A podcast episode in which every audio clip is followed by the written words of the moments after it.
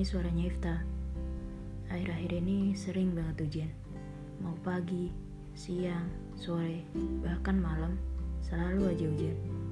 Dan ya, sebagai anak kos yang dasarnya mager keluar, gue semakin memantapkan diri buat berdiam diri di kamar. Berdiam diri di kamar versi gue bukan berarti totally do nothing.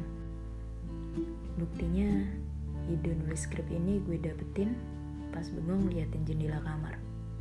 Ya, gue akan bahas tentang self-appreciate. Apaan tuh? Sounds strange or sounds weird, but yeah, it is. Gue mikir, selama kita hidup, kita selalu merasa dituntut. Dituntut dalam banyak aspek. Mungkin untuk seumuran gue, tuntutan itu berupa prestasi, harus bisa mandiri, atau tuntutan dalam suatu hubungan. Even orang tua atau orang lain gak pernah mengatakan suatu tuntutan secara langsung. Kita sebagai manusia yang mawas diri, pasti bakal set the standard buat diri kita, which is good. Hal itu bagus karena berarti kita udah tahu apa yang kita tuju. Tapi setelah dipikir-pikir, banyak juga orang yang komen atas apa yang udah kita lakuin.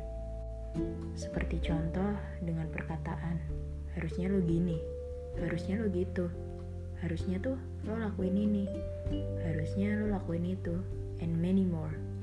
And here is the pressure. Perkataan orang lain yang kayak gitu yang membuat kita merasakan penyesalan, perasaan gak puas atas pencapaian diri sendiri, bahkan sampai ngerasa down. Tapi harus ada satu hal yang perlu kita jadiin pedoman, yaitu fakta bahwa the world can see us in a way that's different than who we are.